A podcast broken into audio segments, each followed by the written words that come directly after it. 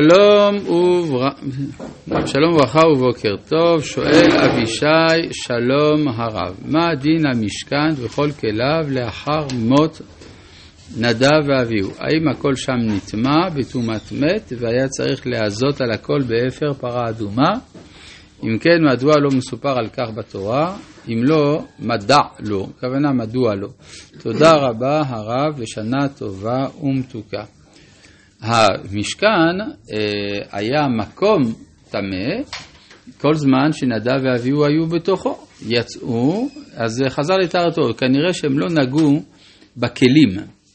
כיוון שלא נגעו בכלים, לא נטמעו הכלים. מה? טומאת אוהל הייתה, כן.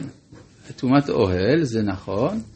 אז אם נאמר שהם מתו בתוך האוהל, אז אה, צריך גם לטהר באמת את הכלים. עכשיו, למה זה לא סופר? לא נורא. לא חייבים לספר כל דבר. עכשיו, יכול להיות שהם מתו בחצר, כן, שיצאו שני חוטים של, אה, של אש, נכנסו לתוך נחיריהם, החוטים יצאו מקודש הקודשים. אז יכול להיות שהם עצמם היו בחצר. אבל בכל מקרה, לא חייבים לספר כל דבר. שואל אריאל, מדוע קוצף משה לפני בירור עניין שריפת החטאת, שנה טובה לרב ולקהילה. לא צריך בירור, לפי משה זה לא בסדר שהם שרפו את החטאת, פשוט מאוד. על זה אה, אנחנו רואים כאן בפרק י' בפסוק י"ט. כן, פסוק י"ט, וידבר אהרון אל משה. הן היום הקריבו את חטאתם ואת עולתם לפני השם, ותקרנה אותי כאלה. ואכלתי חטאת היום, הייטב בעיני השם. כלומר, הטענה של משה הייתה, מאחר ואתם אומנם אוננים, ואונן לא אוכל חטאת, אבל קיבלתי הוראת שעה. הוראת שעה מבטלת את האיסורים האלה, ועל פי הוראת כי כן ציוויתי, אז אתם חייבים לאכול את קורבן החטאת. ועל זה אה, בא אהרון, לפי רש"י אני הולך, שאומר שמשה לא הבין את ההוראת שעה של עצמו. זאת אומרת, הוראת שעה של משה נגעה לקורבן חטאת של נחשון בן עמינדב. שעיר אחד חטאת של נחשון בן עמינדב, שאותו היו חייבים לאכול, מדוע יש הוראת שעה עליו? בגלל שהוא היחיד בהיסטוריה. לא יהיה עוד קורבן נחשון בהיסטוריה, ולכן הם חייבים לאכול. לעומת זה, שעיר של ראש חודש, שעליו קוצף משה, למה שורף, אז זה, אם ראש חודש הזה בטל, יהיה עוד ראש חודש. כן, כלומר, ראש חודש ניסן לא יאכלו את קורבן החטאת, אבל בראש חודש אייר יאכלו את קורבן החטאת. ולכן, הכס, לכן משה טועה בהבנת ההיקף של הוראת השעה שלו. עכשיו זה דבר מאוד מעניין, זאת אומרת שאהרון איננו מפקפק בסמכותו של משה למסור הוראת שעה. משה מוסר את דבר השם, אז כולנו יודעים שהוא מוסר את דבר השם. אבל במה מפקפק אהרון, ובצדק? בפרשנות, בזכות הבלעדית של משה לתת פרשנות לדברי התורה שאותם הוא מקבל.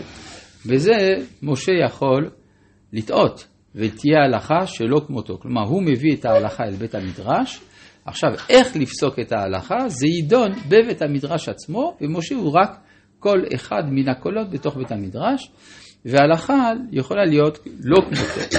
וזה מה שכתוב כאן, וישמע משה וייטב בעיניו. עכשיו, הדבר הזה הוא עצום. זה בעצם בא לומר שהייתה ההתנגשות האחרונה כאן בין תורת משה לתורת אהרון, וכאן יש פיוס בין שתי התורות. תורת משה ותורת אהרון מתאחדות, ולכן מכאן ואילך התורה מקבלת ערך אחר, ולכן ראינו כאן את הדרוש דרש, שהוא אמצע התורה. עד דרוש זה הדואליות בין תורת משה לתורת אהרון, מדרש, מלשון בית המדרש, המקום שבו התורה נדרשת, יש כבר התאחדות של תורת משה ותורת אהרון, מכאן ואילך זו כבר תהיה התורה של הכהנים בהמשך ספר ויקרא, של, אה, של אה, הלוויים בספר במדבר ושל ישראל בספר דברים. אה, פסוק, מה? בבקשה. אז הדרשה והתורה שבעל פה בעצם, מאז שמשה הוריד את הדברים, כבר באותו רגע זה... זה כבר לא שלו, כן? ברגע שמשה מוריד את הדברים זה כבר לא שלו. זה הופך להיות כבר לא בשמיים היא. יסובבנו יבונננו. כאילו, יסובבנו, יבונננו. כאילו מאז שהם קיבלו, הם כבר התחילו להבין את התורה. נכון, יפה מאוד, יפה מאוד. זאת אומרת, זה ראשית בית המדרש כבר אצל הכהנים, ואחר כך זה ימשיך אצל כל ישראל. כן. יש בפרשת זאת הברכה, תורה ציווה לנו משה, מורשה קהילת יעקב. מה, הוא, מש, הוא מצווה לנו, הוא המקור, והוא, והוא מעביר לקהילת יעקב את היכולת למסור תורה גם כן. כן, ככה מסביר רבי צדוק מלובלין. אה, פרק י"א. פרק י"א עובר פתאום למשהו אחר לגמרי. מדברים על חיות. מה פתאום צריך עכשיו לדבר על חיות? כי אנחנו מדברים עד עכשיו על האדם, ועכשיו אנחנו עוברים לחיה. זאת אומרת, דרך השראת השכינה במקדש, יש, נוצרת כמין סולידריות אורגנית של כל העולם כולו, אז גם האדם וגם הבהמה נמצאים, אפשר לומר, בסירה אחת, באיזה גורל משותף, ולכן יש גם תורה של בעלי החיים. וידבר השם אל משה ואל אהרון לאמור עליהם, דברו אל בני ישראל לאמור, זאת החיה אשר תאכלו מכל הבהמה אשר על הארץ. וכאן יש לנו הלכות ידועות, אבל צריך להבין מה, התוכ... מה התוכן שלהן. כל מפרסת, פרסה ושושת, ססה. כן, כן, ברור, ברור, זה תורת משה ותורת אהרון ביחד, נכון, הערה נכונה. כל, כל מפרסת, פרסה ושושת, שסע פרסות, מעלת גרה בבהמה, אותה תאכלו.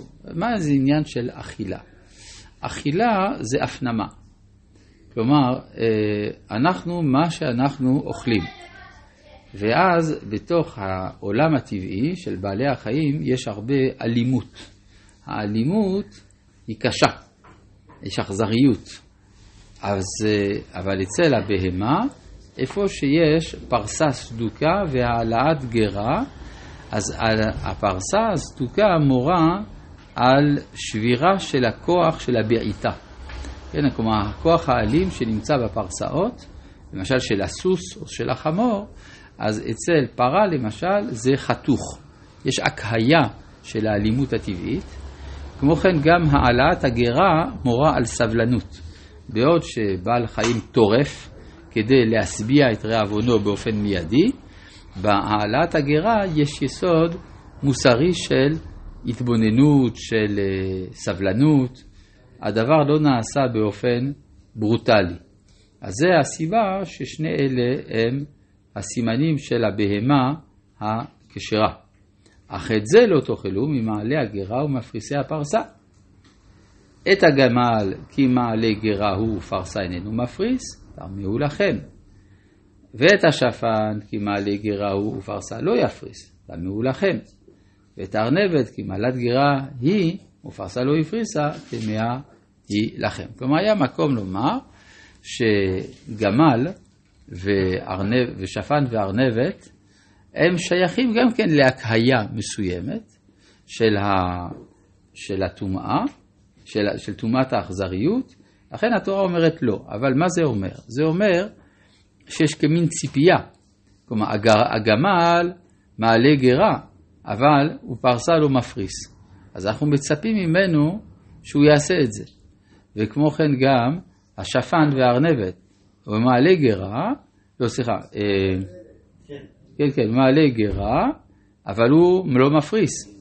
אז זאת אומרת שאנחנו עומדים בציפייה שבעלי חיים יתעלו. יש כאן רמז לעילוי המציאות בבוא הזמן. כמו כן גם לגבי החזיר. ואת החזיר כי מפריס פרסה הוא, ושושעסס הפרסה, והוא גרה לא ייגר, תמהו לכם. זאת אומרת, גם החזיר אנחנו מצפים, והוא גרה לא ייגר, טמאו. אומר האור החיים, כשהוא יעלה גרה, אז הוא כבר יפסיק להיות טמא.